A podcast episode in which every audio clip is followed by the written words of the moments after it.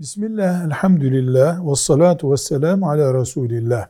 Şehvet kelimesini çok yoğun kullanıyoruz.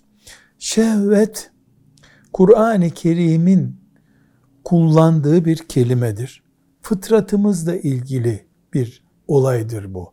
Arzumuz, isteğimiz anlamına geliyor. En büyük şehvet şüphesiz karşı cinse duyulan alakadır. Buna şehvet diyoruz. Aynı şekilde insanın çocuğunun olmasını arzu etmek, çocuğunu büyütmek, evlendirmek, iş güç sahibi yapmak da bir şehvet çeşididir. Mal biriktirmek de bir şehvet çeşididir. Evcil hayvanlar beslemek bir şehvet çeşididir. Toprak sahibi olup ziraat yapmak bir şehvet çeşididir.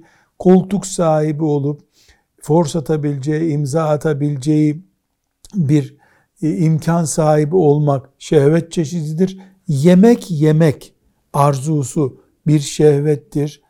İnsanın iç duygularını kontrol edemeyeceği bir şekilde Allahu Teala'nın yerleştirdiği bu arzuların hepsine şehvet diyoruz ama en çok ortaya çıkan cinsel şehvettir ve mal şehvetidir.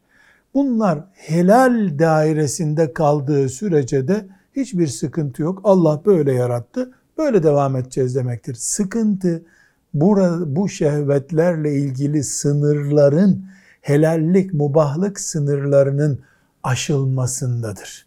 Velhamdülillahi Rabbil Alemin.